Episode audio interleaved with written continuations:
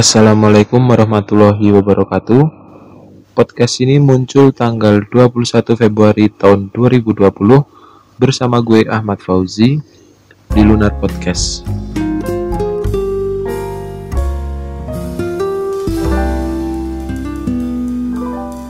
Selamat siang, selamat pagi, selamat sore, selamat malam buat teman-teman gue yang bakal dengerin podcast ini.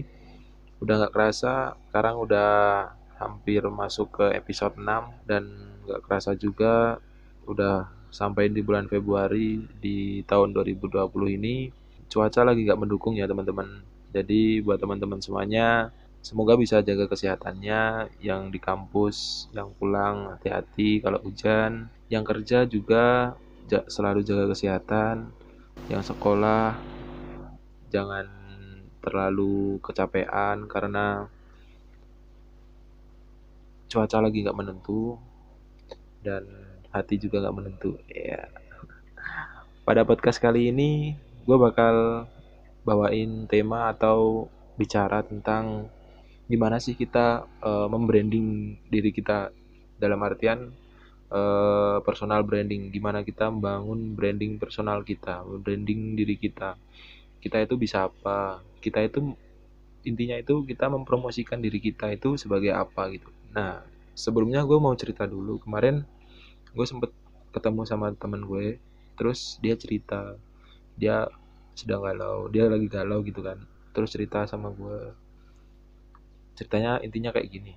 Uh, Zi, lu ngerasa nggak sih kalau teman-teman kita itu udah ada yang produktif dalam arti mereka tuh udah menemukan passion mereka tuh apa dan bahkan ada yang mencari penghasilan dari passion mereka. Dan aku tuh bingung aku tuh bisa apa sih? Passionku tuh apa sih? Sampai sekarang pun aku nggak bisa nemuin passionku tuh di mana gitu loh. Di sini tuh aku bingung banget sih gitu. Dan aku harus gimana sekarang? Yang notabene aku sekarang kuliah udah semester tua udah mikirin ini itu udah mau lulus. Tapi aku tuh stuck gitu loh nggak punya keahlian bisa dibilang nggak punya keahlian nggak bisa ini nggak bisa itu cuma fokus kuliah aja. Terus intinya itu dia galau iri sama teman-temannya yang udah berkarya udah udah kerja nyambi kerja udah e, menekuni hobinya gitu loh. Nah di sini gue e, sempet apa ya dulu juga sempet merasakan sep sama seperti e, teman gue di sini yang cerita dan dulu gue sama juga kayak gitu tapi di sini gue cerita selanjutnya gue cerita bakal ceritain uh, masa lalu gue tentang gimana sih cara kita mencari passion kita membranding kita itu. Nah jadi dulu gue juga pernah berada di keadaan sama kayak teman gue ini. Jadi gue dulu bingung teman gue ada yang suka futsal teman gue ada yang fokus sama sepak bola teman gue ada yang fokus sama volley dan mereka itu menekuni hobinya mereka. Jadi kayak mereka tuh udah udah menemukan passionnya. Oh passion mereka tuh di futsal passion mereka tuh di volley passion mereka tuh di anak organisasi intinya gitulah nah di sini gue sempet iri gue bisa apa ya? Gue kok nggak bisa kayak mereka ya? Nah di sini gue mikir kenapa gue nggak coba nyari passion gue dengan uh, dengan cara gue sendiri? Maksudnya nggak dengan cara diba maksudnya dibantu orang lain enggak tapi gue berpikir terus gue mikir gue suka volley kenapa gue nggak nekuni volley dulu gitu loh? Yang gue suka dulu terus ditekuni gitu loh. Lah setelah itu gue masuk kelas 2 SMA itu gue masuk uh, eskul volley nah di situ mulai dari situ udah mulai nemuin kayak passion gue lah hobi gue lah. Dan di situ hobi gue tuh volley. Selain volley gue juga main futsal sering sama teman-teman kelas gitu. Setelah mulai lulus dari SMA gue nggak ikut eskul volley lagi. Dan dan di sini gue bingung gimana cara ngembangin passion gue pas kuliah. Bukannya nggak ada eh, nggak uh, ada UKM volley ada. Tapi uh, masalahnya latihannya tuh sore menjelang maghrib itu. Jadi gue nggak bisa karena gue PP kampus rumah. Nah jadi di sini gue bingung apakah gue mau lanjut nekunin hobi gue atau gue cari hobi lain. Yang notabene gue mungkin bakal ngulangin dari awal lagi menemukan passion gue lagi. Nah di situ gue masuklah ke UKM fotografi di fakultas. Nah di situ mulai dari situ gue ikut kegiatannya fotografi desain juga hunting sering main hunting ke pasar hunting ke pantai atau hunting ke mana gitu.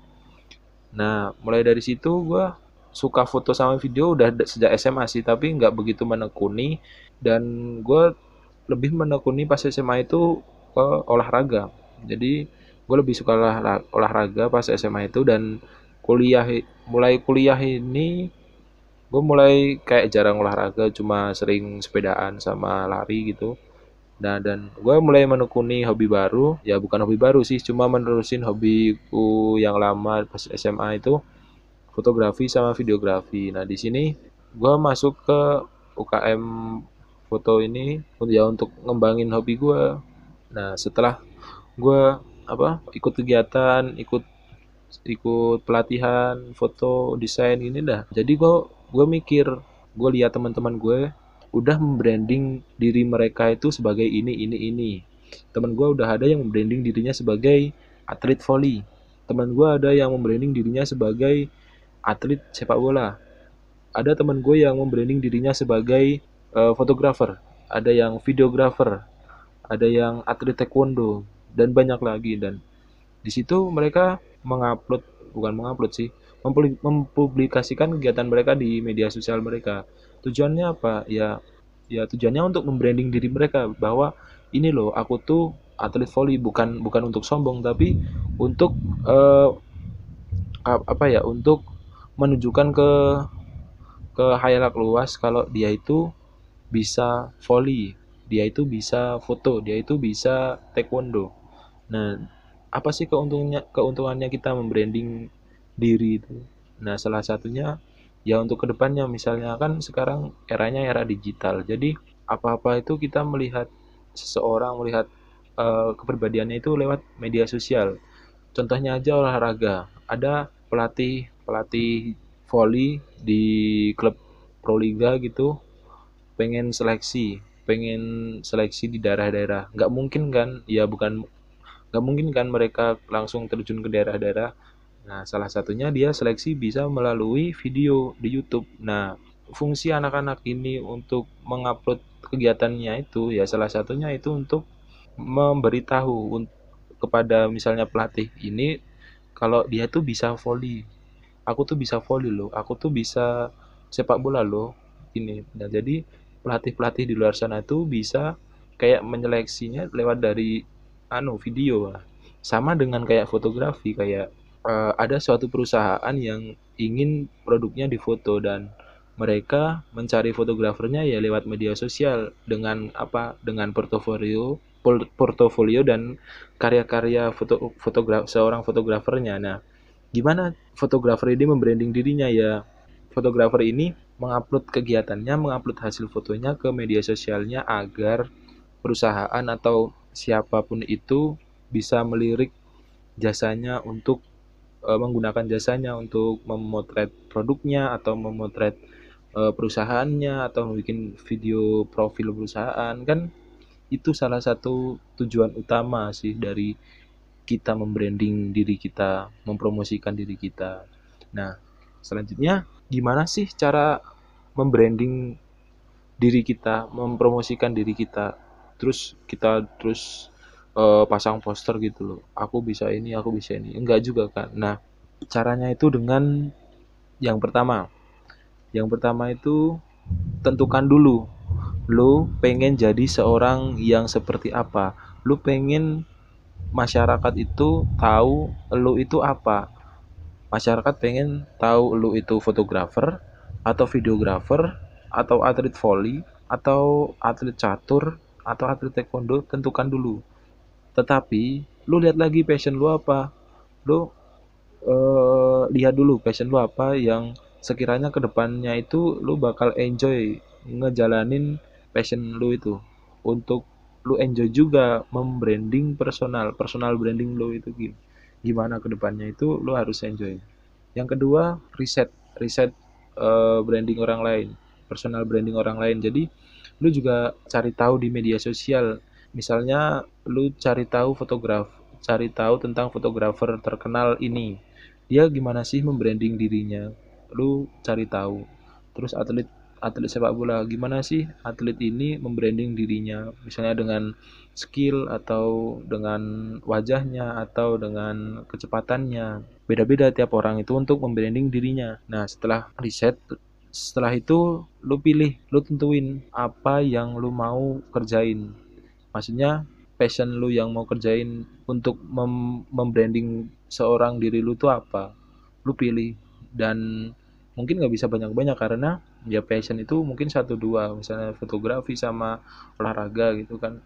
Olahraga apa lah volley lah gitulah nah lu tentuin. Karena ke depannya lu pengen e, masyarakat luas itu tahu kalau lu itu seorang ini masyarakat tahu lu seorang fotografer seorang atlet volley gitu nah selanjutnya setelah lu pilih personal branding lu lu bikin konten untuk disebar ke media sosial, mau itu di Instagram, di YouTube atau di uh, media sosial lainnya. Uh, apa sih gunanya buat konten? Nah, ya kembali dari awal tadi, kalau kita membuat konten, konten tuh nggak harus video misalnya foto kegiatan sehari-hari kita, foto hasil dari passion kegiatan passion kita, misalnya foto hasil uh, kan kita suka fotografi terus ya kita share aja ke media sosial ini loh hasil fotoku bagus kan? Gitu loh. Kalau atlet volley lo ini loh kegiatanku setiap setiap seminggu sekali latihan di klub volley ini. Ini loh kegiatanku di mengajar di uh, di sekolah ini gitu loh.